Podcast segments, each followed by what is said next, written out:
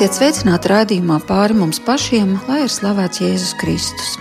Studijā Inte Zēgnere un Bīskaps Andris Kravalis mēs satiekamies 1. novembrī visu svēto dienā un arī radio dzimšanas dienā. Un gribas cerēt, ka šī sakritība nemaz nav nejauša. Svētie debesīs un viņu dzīves pieredze mums kļūst par iedrošinājumu un par iedvesmu visiem, kas esam šobrīd ceļā.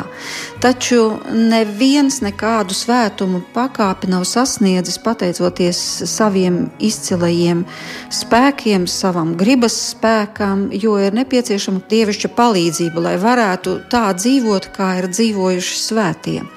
Un viens no veidiem, kā tai tuvoties, ir nemitīgā adorācija. It kā svešvārds, un arī gana reti lietots, daudz retāk nekā, piemēram, meditācija, taču aiz šī vārda ir apslēpta vesela pasaule. Tāpēc es vispirms gribu vaicāt izskaidrojumu šim vārdam, un arī kāds nemitīgajai adorācijai ir sakars ar Parīzi un ar Monmartru un Sakra Kāra, jeb Vissvētākās sirds baziliku. Paldies par šo iespēju, darbie klausītāji. Šodien tiešām ir skaisti svētki visā baznīcā, visu svēto dienu.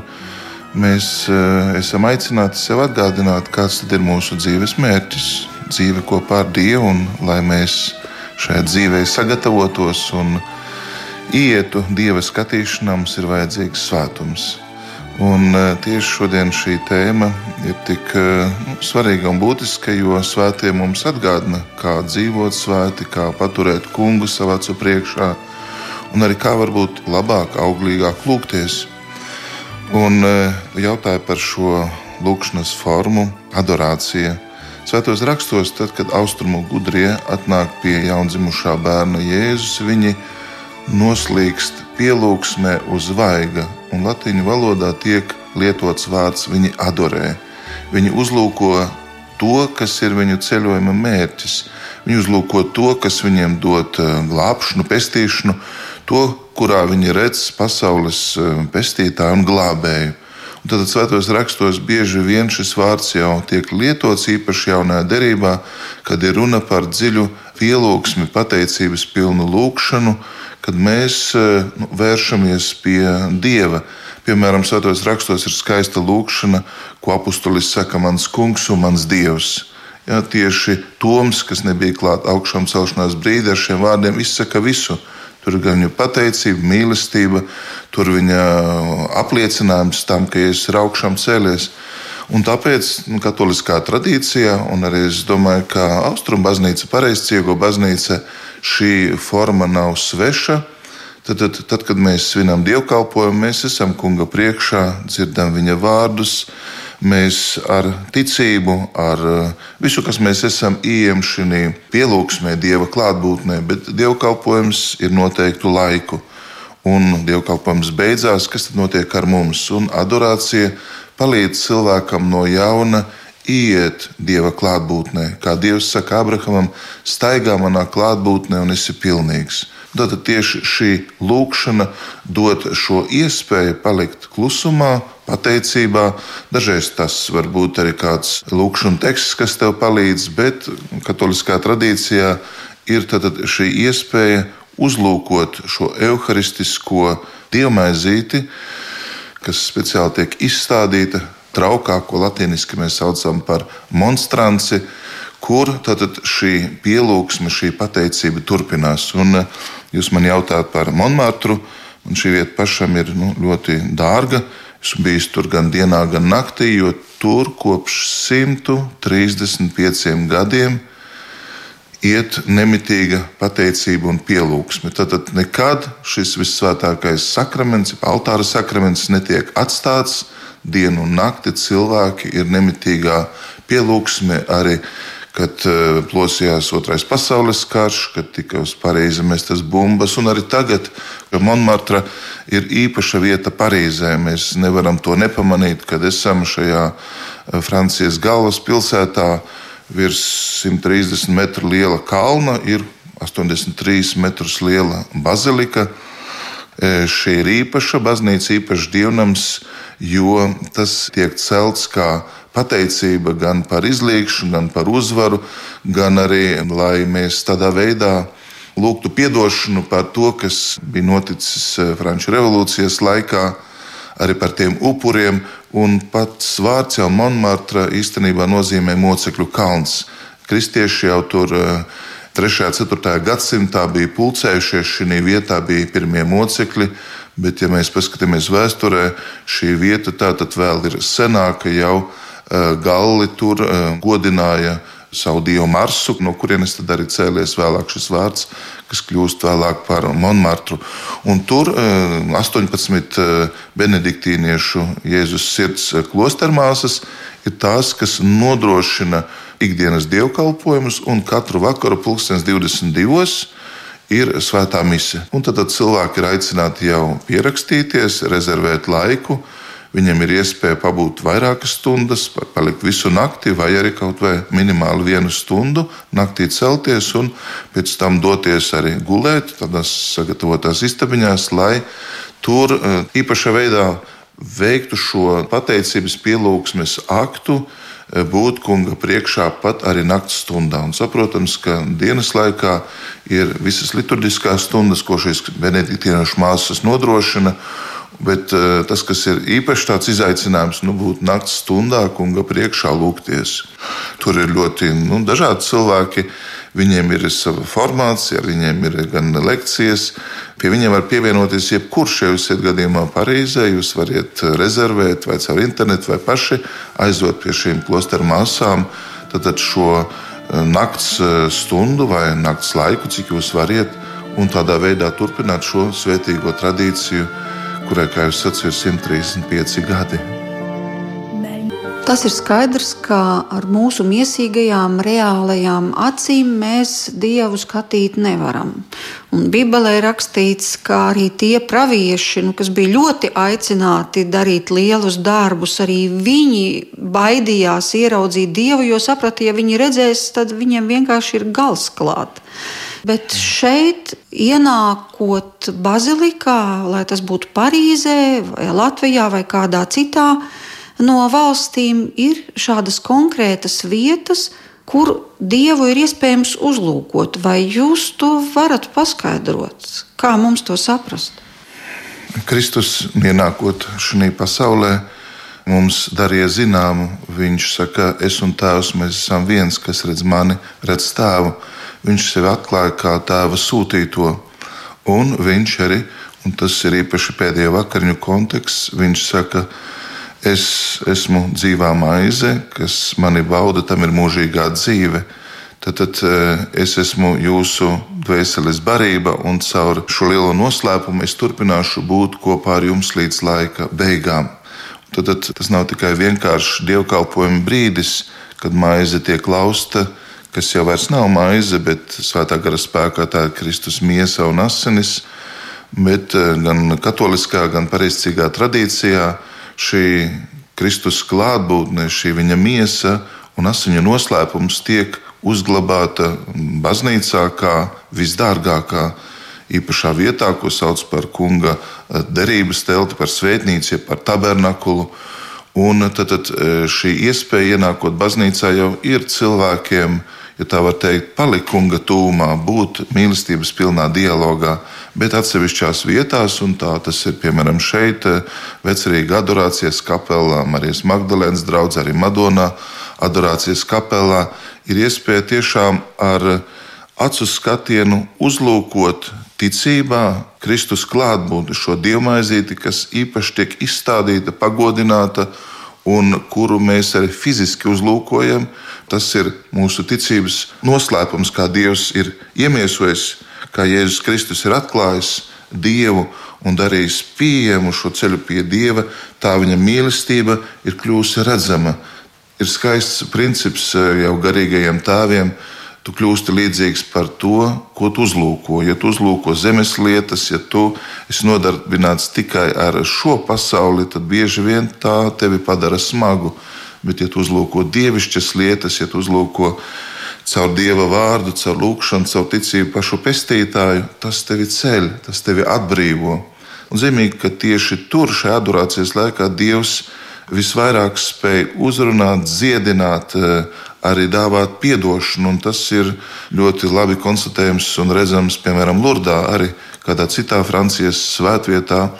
Francijas dienvidos, kur um, dievmāte atklājās um, kādai meitenei Bernadetei, un tur katru vakaru ir šīs evaharistiskās procesijas un arī svētība ar šo svētāko altāra sakramentu. Un tieši tās laikā visvairāk cilvēki piedzīvo gan atgriešanos, dziedināšanu, piedzīvo Dieva mīlestības pilnu klātbūtni, kas viņus tā laikā svētīja. Tāda ir šī baznīcas pieredze, un, manuprāt, nu, 135 gadi pat uh, kara laikā, kad 1944. gadā krita bumbas, tad tās nu, neuzsprāga, bet ielauza trotuāru sešās vietās, burtiski bazilikas tūmā. Tās tika atrastas, tās nesprāga. Jo šī cilvēku lūkšana, šī arī dievišķa aizsardzība tiem, kas uzlūko kungu un vēlas būt viņa rīcībā, kas tādā veidā atsakās no varbūt tik daudz svarīgām, vajadzīgām lietām, lai pievērstos pašam būtiskākajam. Un, protams, ka mūsos ticība aug. Jo tas vairs nav tikai prāta, jeb meditācijas darbs, bet šeit mēs esam mīlestības pilnā skatienā. Un tas neprasa daudz. To var darīt arī bērni. Zīmīgi, ka arī bērni bieži vien to ļoti labi saprot. Viņi uzlūko to, kas viņus mīl. Karsas prāvis saka, mēs paliekam tādā ticības pilnā skatienā, uzlūkojam viņu, un viņš uzlūko mūsu. Šai mīlestības apmaiņa ir ļoti, ļoti nu, vienkārša un cilvēkam vitāli nepieciešama. Var teikt, ka nu, cilvēkam atverās pestīšanas avoti, viņš eh, atverās pats eh, dieva mīlestības spēkam. Un viņš iekšēji aug, viņā pieaug cerība, ticība, protams, arī mīlestība. Viņš tiek eh, svētdarīts un sagatavots mūžīgai dzīvei. Jo, ja jūs jautātu, ko tad mēs mūžībā darīsim, mēs nemitīgi godināsim Dievu, bet nu, mēs nenogursim to darot, bet tā būs nemitīga dieva vaiga uzlūkošana, kas mūs ievedīs ar vien dziļākā svētlaimē. Mēs nepaliksim tur bezdarbībā, jo mīlestība vienmēr mūs dara aktīvus. Bet, protams, šī mīlestība iet caur konkrētu lēmumu, izvēli, arī iekšēju garīgo cīņu, jo cilvēks jau ir cilvēks, viņš nav eņģelis, viņam ir nu, šie izaicinājumi, dažādas domas, un viņam ir jācīnās ar dažādām citām lietām, ko viņš sevī nes. Bet uh, Tieši adorācija, šī pielūgsme, kas burtiski nozīmē aizlikt roku priekšā mutē un uh, klausīties, un vairāk raudzīties ar ticību, uz ticības noslēpumu cilvēku mīlestībā pārveido. Tātad cilvēciski nekas nav nepieciešams. Nekādas gudrības, nekādas izlasītas anotācijas, pamācības, receptes, vēl nekas, lai ieietu, piemēram, Svētās Marijas Magdalēnas baznīcā, vai Monmartrā, vai Adorācijas kapelā. Varētu šķist, tas ir kaut kas tik sarežģīts, es nesaprotu vispār, par ko ir runa. Vai ir kaut kas jāsaprot, pirms es ieeju, teiksim, dievnamā un uzlūkoju monstranci, uzlūkoju jēzu. Es domāju, pats svarīgākais ir apzināties, ka kāds mani gaida tur. Un šīs vietas tiek izveidotas, lai mēs ietu un satiktos man ir caur manu acu kontaktu iespējams uzlūkot to, ko es mīlu, ko es dievkalpojumā saņemu. Tad, tad uzlūkot Jēzu, tur vairs nav vajadzīgi vārdi, bet tā ir milzīga nu, sirds pateicība. Un um, varbūt otrais aspekts, kad es tur eju, es eju, lai vienkārši paustu savu mīlestību. Es viņam varu visu izstāstīt, bet viņš jau arī visu to zina, ko es viņam gribu teikt. Tāpēc īstenībā es eju vienkārši atpūsties, palikt Dieva tūmā, saņemt eh, dziedināšanu, mieru, iet vairāk dievišķā klātbūtnē. Un, manuprāt, ļoti pareizi tu saki, ka ir jācenšas vairāk būt Dieva tūmā, nevis tik daudz domāt, runāt, bet vairāk saņemt. Un šī adorācijas lūkšana, kas balstās uz mūsu sirdi, uz tādu iekšējo mīlestības pilno skatienu, ir ļoti auglīga, jo viņi neprasa no cilvēka nu, tikai tādu ticības un mīlestības skatienu.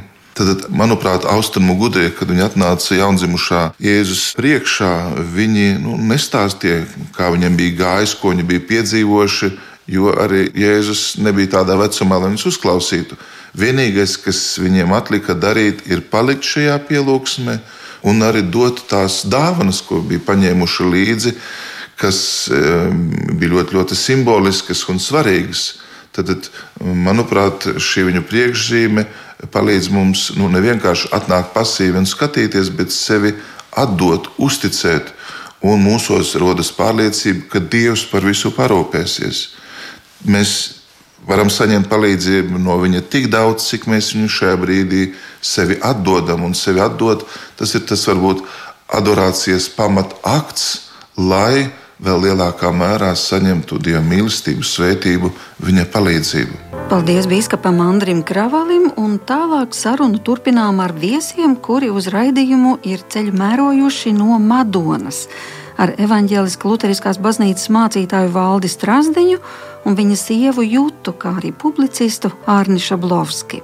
Jo pēc Ārņa iniciatīvas Vecrīgā tika izveidota adorācijas kapela, kur klusumā, jebkurā diennakts laikā ir iespējama saruna ar Dievu, ar viņa klātbūtnes piedzīvošanu. Un vēlāk šāda kapela radās arī Madonā, un pirms nedēļas Svētās Marijas Magdalēnas baznīcā tika prezentēts arī disks Mans slāpst, kurā apkopotas lūkšanas un apceres laikam, ko pavadām visvētākā sakramenta priekšā.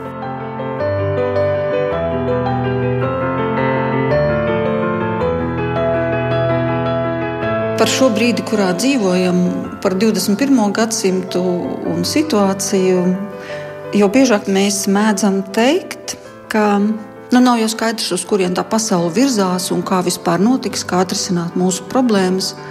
Un tās ir dažādas, un bieži vien ir tā, ka mēs īsti arī nezinām, kam lai prasa padomu, un kurš būs tas lielākais gudrinieks, kas varēs to labāko padomu iedot. Bet tad izrādās, ka tā izskaitā arī Latvijā ir tādas īpašas, un gribētu sacīt, līdz šim vēl īsti neatklātas saliņas, kurās atrodoties, tu savā sirdī vari saklausīt pareizo atbildi. Un tās ir visvētākā sakramenta adorācijas kapelas, un šķiet, ka tādu gan ir pavisam nedaudz par to, Cik to ir un kur tās ir? Vispirms es gribu lūgt pastāstīt Arniša Blavski. Ne, vispirms par to problēmu. Nu, man uzrunāja tas, ka ir tā problēma. Man liekas, ka, ka ir tikai viena problēma. Tā ir mana dzīve. Un ko man ar to dzīvi darīt? Jo pasaulē ir šīs ziņas, tiem, kas klausās, kaut kādā veidā uzrunā. Tas ir galvenais jautājums, ko darīt ar savu dzīvi, ar savu laiku. Un tajā nozīmē ja mēs runājam par sakramentu, tad uzreiz ir šis jautājums par lielo sastapšanos vai par dievu sastapšanu. Respektīvi, šī sastapšanās, manuprāt, ir. Un katrs jau pat tie, kas nerunā par Dievu, nu, Dievs viņus ir sastaps. Kad cilvēks apstājās, labā nozīmē apstulbst, viņš saprot, ka ar viņu kaut kas nu, īpašs notiek.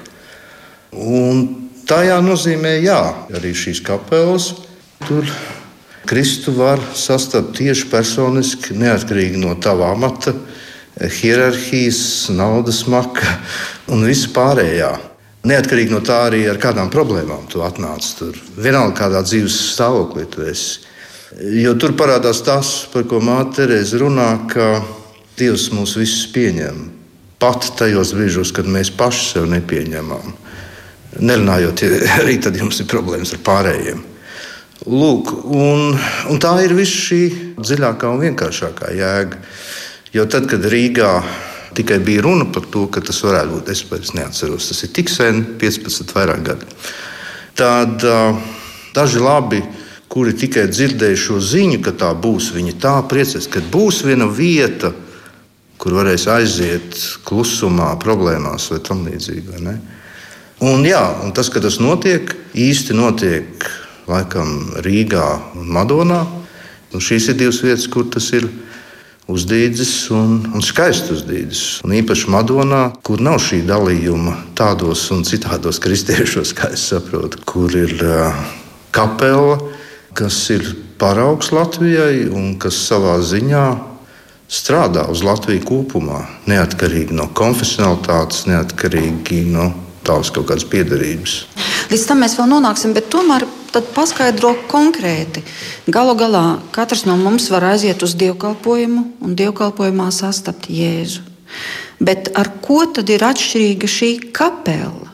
Nu, teiksim, tā vienkāršākā lieta ir tas, ko Māte Terēza runāja par klusumu. Kāpēc klusums ir tik universāls? Klusums ir tik lielisks, ka viņu nevajag pielabot, paskaidrot. Nu, tā ir tā viena lieta. Klusums ir vislielākais deficīts šobrīd, un kļūst ar vien lielāks deficīts. Cilvēki augstu nezinu, kur viņi dabūt. Bet šis ir īpašs klusums, šis ir piepildīts klusums. Tas ir klusums kopā ar lielāko no dāvanām, ko Kristus ir atstājis mums. Tā ir viņa klātbūtne šajā te, sakramentā. Lūk, tas darbojas neatkarīgi no tā, vai cilvēks racionāli saprot, nesaprot. Protams, kaut kādas teoloģiskās zināšanas var palīdzēt viņam, bet emocionāli tas darbojas jebkurā veidā. Mans draugs, flamenko ģitārists, kad es viņu nu, ieaicināju, viņš kādu brīdi pasēdēja, viņš saka, nu, ir tāda skaistuma sajūta. Es gribētu nospēlēt viskaistāko mūziku šajā vietā, šajā brīdī.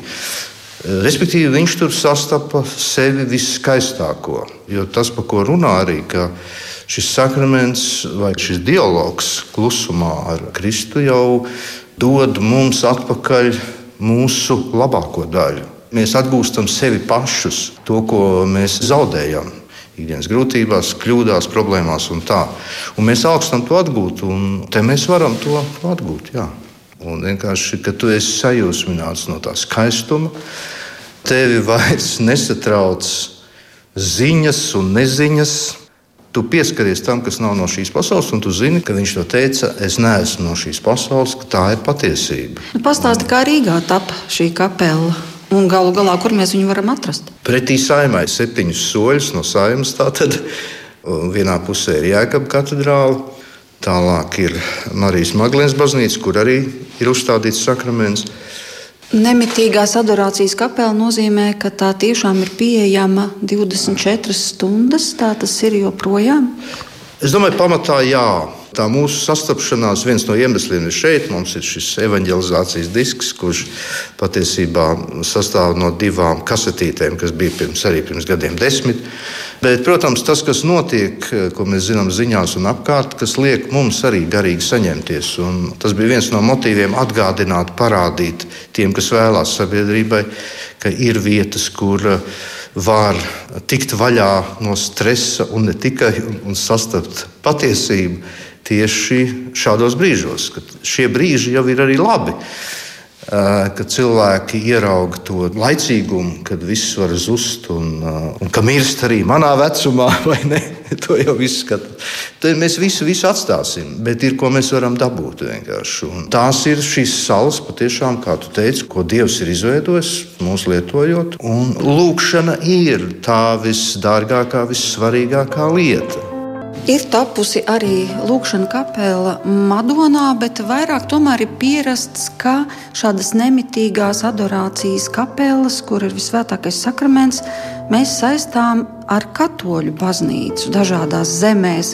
Bet lūk, Latvijā eh, šīs adorācijas kapelas izveidē ir iesaistījies Lutāņu mācītājs. Bet kāpēc?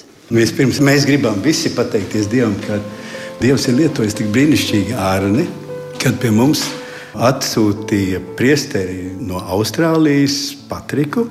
Viņš pie mums atbrauca divas reizes, un brīnumainā kārtā viņš nebrauca uz katoļu baznīcu, bet atbrauca pie mums. Un rezultāts bija tāds, ka pie otrās reizes Patrikai ierašanās um, bija paredzēts, kur šobrīd atrodas kapela un kur kādreiz bijis cietuma pirts un pēc tam kroks, kur cilvēki apreibinājās. Tā, tā šī ēka stāvēja ilgus gadus tukša. Tieši tajā brīdī ieradies bija priesteris Patriks. Momentā radās jāiet uz domu un jāprasa šī māja, lai mums atdot šo mazo telpu. Un tiešām bija novada domas sēde. Un šajā sēdē mēs bijām gan Lutāņi, šobrīd biskups Hans Martins, no, kas tagad ir Liepājā, kas toreiz bija Madonas mācītājs un prāvests. Un bija priesteris Rasnacis, un mēs visi bijām kopā un tūlīt gājām uz domu. Un notika brīnums, ka doma mums iedeva to kapelu. To vietu tas sākās, tas viss. Nu, lūk, un es varu tagad, skatoties uz šiem, cik gadiem jūta mums ir jau. Deviņi. Deviņi gadi kopš Madonā šīs 24 stundas mēs esam gan katoļu brāļi mūsu, gan arī no Lutāņu draugas, un tagad arī pareizticīgo draugu. Tas ir liels brīnums.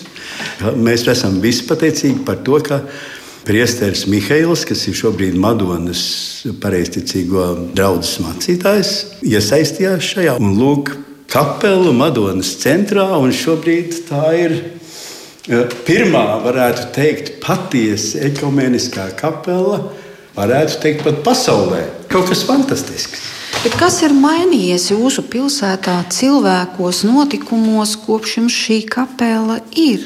Ļoti daudz kas ir mainījies, bet galvenokārt jau ir uh, tas, ka mums jau jādod Dievam iespēja sevi kaut kā glābt. Un, jo Dievs jau mūs glābi. Un, uh, es domāju, ka adorācijas kapela ir tas, ka cilvēki uh, saprot, ka Dievs viņus glābj. Jo, diemžēl, daudzi domā, ka Dievs viņus glābj atbilstoši viņa aktivitātēm.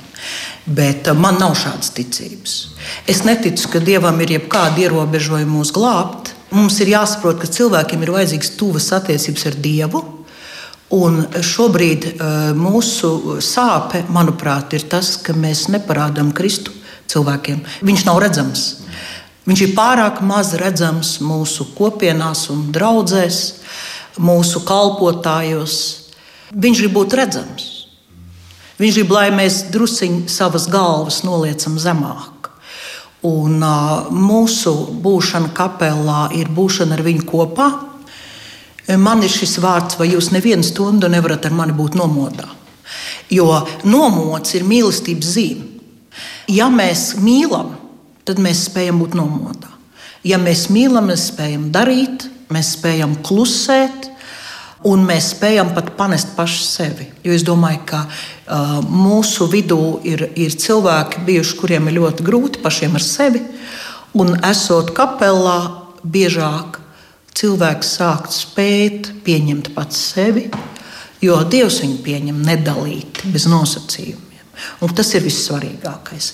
Pilsētā ir lieliska atmosfēra. Pilsētā ir ļoti labas attiecības, ļoti laba sadarbība, ekumenisms, savstarpējs atbalsts.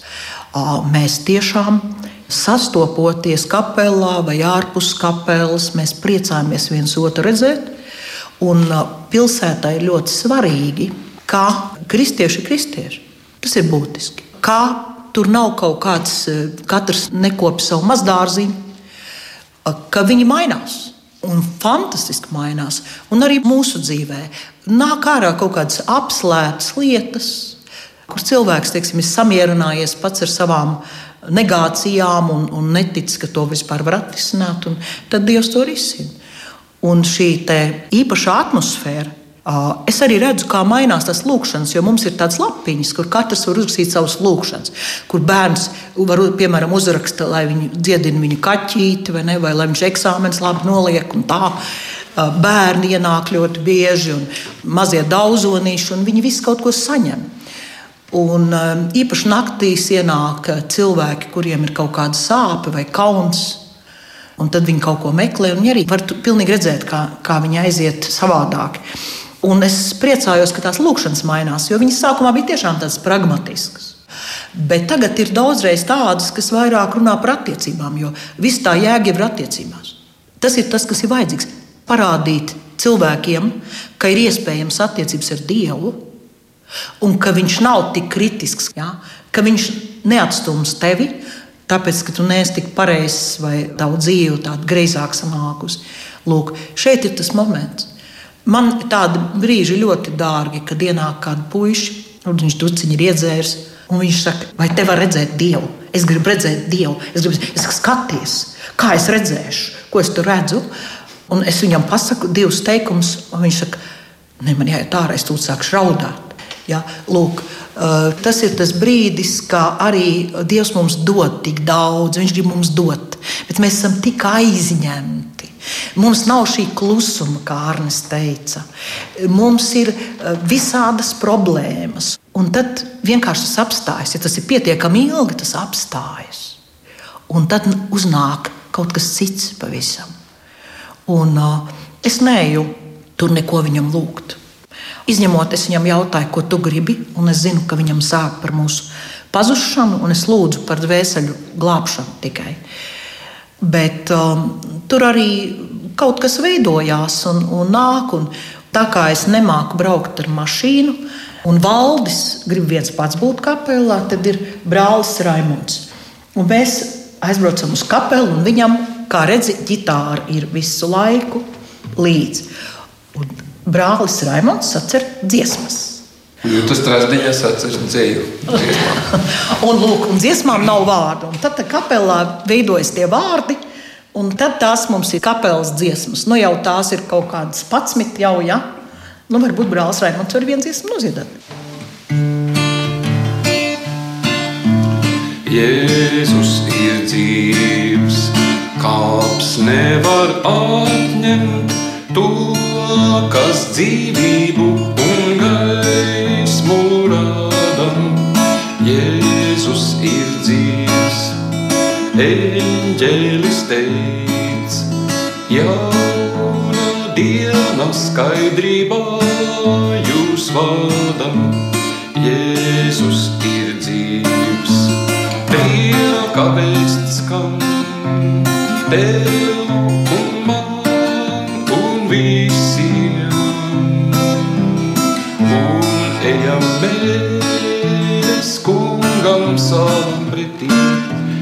ilgas trauc gaisma līst debesīs. Ilgas trauc gaisma līst debesīs. Cildinām mēs upur ziedu tavu. Eņģeļi tev slavu aiznesīs. Un kā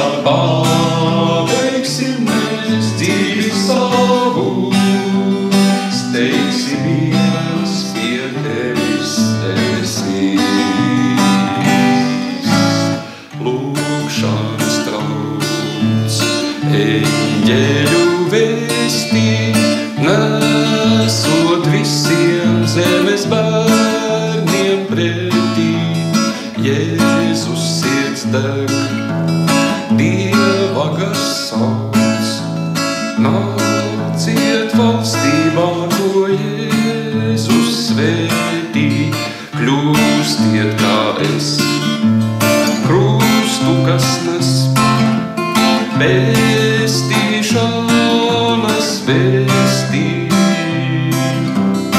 Un ejam mēs kungam savam pretī, ilgas trauc gaisma līst debesīs. Ilgas trauc gaisma līst debesīs. Cildinām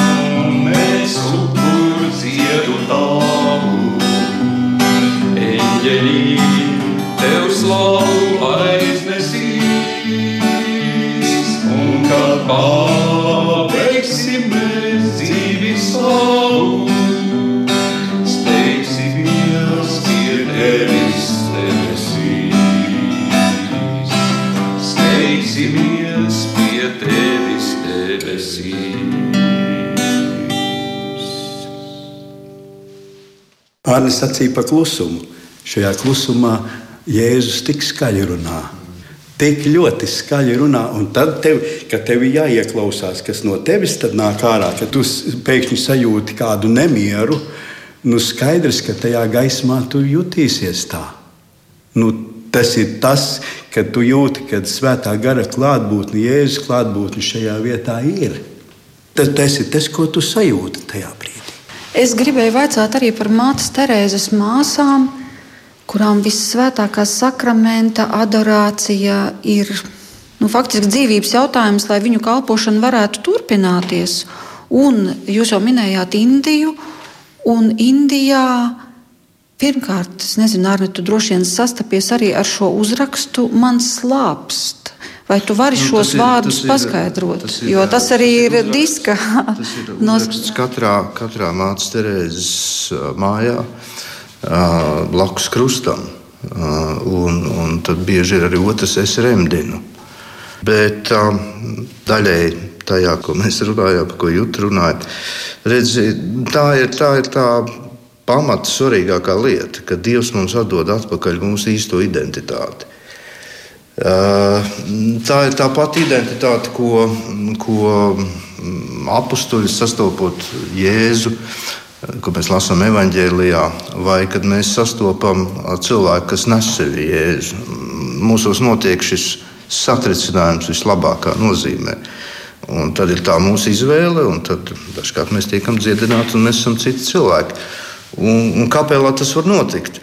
Un, teiksim, kādēļ gan mātei Terēzei, gan viņas māsām ir vajadzīgs pašām katru dienu pavadīt vienu stundu uh, sakramentu klātbūtnē. Uh, jo tas, ko Terēze saka, tajā mēs iegūstam kaut ko no šī redzējuma, vai viņas iegūst kaut ko no tā redzējuma, kas ir dievam. Pēc tam skatoties uz saviem līdzcilvēkiem. Un, uh, ideālajā gadījumā arī mums Pēc tam, kad mēs esam pavadījuši laiku kapelā, pēc lieliska dievkalpojuma, kurā mēs esam sastapuši Kristu, tad, kad mēs ejam ārā no baznīcas vai no kapelas, mēs ieraugam Dievu katrā savā tuvākajā, sliktajā, labajā, pilnīgi visos. Labā mācītājā, sliktā mācītājā, dzērājā, vīrā, ar ko man ir problēmas. Visos mēs ieraugam Kristu. Un mēs ieraugām Kristu, un mēs zinām, kā šo Kristu palīdzēt ieraudzīt arī viņam. Jo mēs pastiprinām tajā cilvēkā šo dieva līdzību. Mēs palīdzam šim cilvēkam atpazīt ikonu sevi. Jo, jo kā saka baznīcas mācītāji, nav, ne, nav lielāks, lieliskāks ikonas, skaistāks par dzīvu cilvēku. Mēs Jā. atgūstam šo dievu līdzību un palīdzam arī viņu citiem. Bet es gribēju par vēl vienu lietu vaicāt. Es neatceros, kas to bija teicis, ka tās attiecības, ko iegūst visvētākā sakramenta priekšā, Jēzus priekšā, divi tā klusumā, ka tās attiecības ir ļoti līdzīgas kā vecāku attiecības ar bērniem. Ja mammai ir ļoti lielas ilgas sastapt savu, piemēram, pieaugušo bērnu, viņ, viņai slāpst, viņu redzēt, viņu samīļot, viņ, viņam visu, visu, visu labāko dot, tas ir ļoti saprotami arī, ja mēs runājam par Dieva attiecībām ar cilvēkiem un par to, kā viņš katru kapelā gaida, ka viņam slāpst. Viņš grib šo sastapšanos, bet mums vienkārši nav laika. Mēs vēl esam nē, tā sacīt, nē, mums, aizņemti. Mums ir jābūt pateicīgiem par tām problēmām, kuras mums nostāda tādā brīdī, kad mums nekas cits. Ne... Mēs sakām, nu te jau neko citu vairs nevar darīt, ir jāiet pie Dieva. Jā. Un, tā, un tās ir, protams, sāpes un vispārējais, bet jā, mēs varam arī par to pateikties. Un Mātei Terēzē ir, ir skaista meditācija par manu slāpstu, kur ir arī tādi paradoxāli vārdi, ka mums nav jābūt labākiem, kad mēs ejam uz kapelu. Mēs drīkstam, teiksim, sakramentu klātbūtnē. Mēs drīkstam būt tieši tādi, kādi mēs esam. Un tieši tādi, kādi mēs esam, mēs atdodam lietu, problēmu, vispārējo Dieva rokās. Viņš izdarīs pārējo. Jo, jo bieži cilvēks sev mocīja, nē, es taču nevaru, es taču neesmu tāds, man tur vēl jālabo. Nē, tev nekas nav jālabo. Tu vienkārši aizēji tāds, kāds tu esi. Ja? Bet tad, kad tev ir uh, jāiet uz kapelu, tad tu ieraugi, cik tā mīlestība ir liela. Tā viens no katoļu brāļiem teica nesen. Jā. Tad ieraugi, kas tas ir. Jā, un es īpaši, ka tev kādās nērtās stundās jāiet, kad nāk miegs, tā, tad tu redzi, vai viņi ir vai viņi nav. Un vai, tev, vai, tu, vai tu ar Dievu dzīvo tā kā ar viņu, ka tu esi ieguvējis. Raimons saka to vārdu, es atspirkstu, ja? vai atkal es sakārtojos, ka tu esi ieguvējis, ka ne tu kādam kalpo un kaut ko dari. Dievs kalpo tev. Viņš tev kalpo caur visiem sakramentiem, caur kapelu, caur uh, visu pārējo. Tu esi tas saņēmējs. Un mēs Dievam kļūstam tuvāk nevis ar to, ko mēs darām, bet to, ko mēs no Dieva saņemam. Jo nevajag šo mūsu mākslīgo darīšanu, kurā mēs tikai paši iztēlojamies, ka mēs esam ļoti labi. Un pasakot, Dievs tālāk labāk par citiem, un tālāk, jo mēs esam pilnīgi jau kaut kur maldos. Bet tas, ka Dievs mums dod, un mums tas ir jādod tālāk, tāpēc ir vajadzīga šī atvērtība arī pret citiem. Un, bet, ja tu nesaņem, tev nav nekas ko dot. Vajag, lai cilvēki pārstātu būvēt mūrus, žogus, aizsargāties, aizstāvēties, baidīties. Kristietim ir aizliegts baidīties. Ko darīt, ja tu baidies? Tad ej pie Jēzus, ej pie Dieva mātes, un tu tiksi dziedināts no savām bailēm. Jo Dievs dod mīlestību, kas dziedina no bailēm. Un cilvēkiem tas ir vajadzīgs, nepieciešams redzēt to, ka Dievs darbojas ka viņš nav mūsu zem mums, bet ka viņš ir virs mums, ka viņš ir starp mums. Jā, Jūta teica, ka, lai dotu, vispirms ir jāsaņem. Un acīm redzot, tas arī ir tas, kas kapelā notiek. Tu kapelā saņem, un tad tev ir ko dot, jo nevar jau dalīties ar mīlestību, kuras vienkārši nav vai kuras ir ļoti maz. Nē, droši vien te var uztaisīt trīs, četras vai desmit raidījumus ar to, ko tie cilvēki ir katrs piedzīvojuši. Nu, tā noteikti būs e, personiska, individuāla, dziļa, intīma pieredze. Jo, jo dziļākā līmenī tā, tās ir visintīmākās attiecības ar Dievu. Intīmāk par tām vairs nav. Un te ir tas, ja, ka tu pēkšņi nonāc šai, šai intimitātei. Bet tas, ka tu saņem to, ka tev patiešām ir ne tikai var tikt piedots, bet ka tevi aktīvi piedod. Tik daudz cilvēku neierauga to, ka viņiem vispār ir vajadzīga atdošana. Bet šī klātbūtne patiešām, ja, ko es teicu, viņa, viņa nodrošina tieši to pašu dinamiku, kas ir evanģēlijā. To arī ieraugi, ka tev ir jāpiedod abas šīs lietas kopā, un to arī saņem šo atdošanu. Ja? Tieši tas tur notiek. Un notiek šī, es teiktu, noteiksim, šis klusums un vispārējais šī klātbūtne, ka Dievs gaida visus neatkarīgi no konfesijas, neatkarīgi no reliģiskās piedarības, neatkarīgi no tā, ko tu esi zinājis vai domājis pirms tam. Viņš patiešām ir atvērts un aicina visus. Un mēs kaut kādā mērā nonākam atpakaļ pirmajā gadsimtā, pirmajā stāstā kur nebija šīs, šīs sadalītības. Un ko Māte arī, arī, arī uzsver, ka tad, kad mēs ejam prom no pasaules, mēs atkal esam patiesi, autentiski, un tur atkal nav svarīga šī sadalītība. Ir šis patiesums. Jā, un šī aktualizācija arī ar šo ir tāpēc, ka varbūt ka Latvijai šo vajag pamēģināt nopietnāk restartēt šo ideju. Varbūt ka vēl kāda pilsēta saņem aicinājumu kādā Latvijas nostūrī. Tas ir tas, par ko mēs lūdzam, jo šī pieredze ir tik skaista, ka Dievs vēlās ar to dalīties, un arī mēs vēlamies dalīties. Tā ir vienreizēja, neatkārtojama pieredze. Tieši tas pats prieks, kas ir evaņģēlijā, apstuļiem sastopot Jēzu. Šis prieks paliek. Un viņš saka, es esmu ar jums līdz pasaules galam. Vai šis ir pasaules gals jau? Nē, nē, vēl nav. Bet viņš ir joprojām līdz pasaules galam.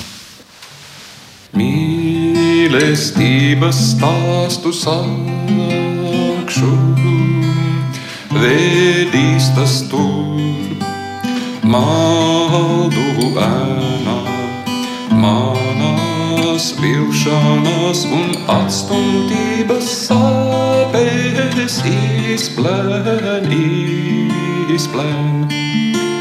Mīlestības uguns liesmā.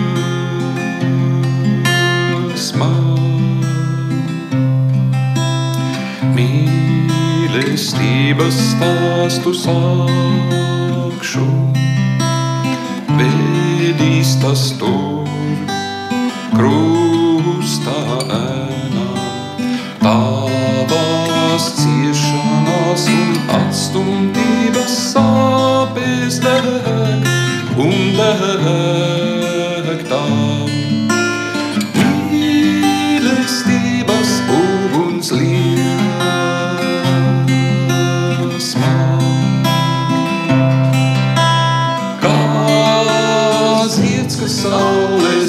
Small.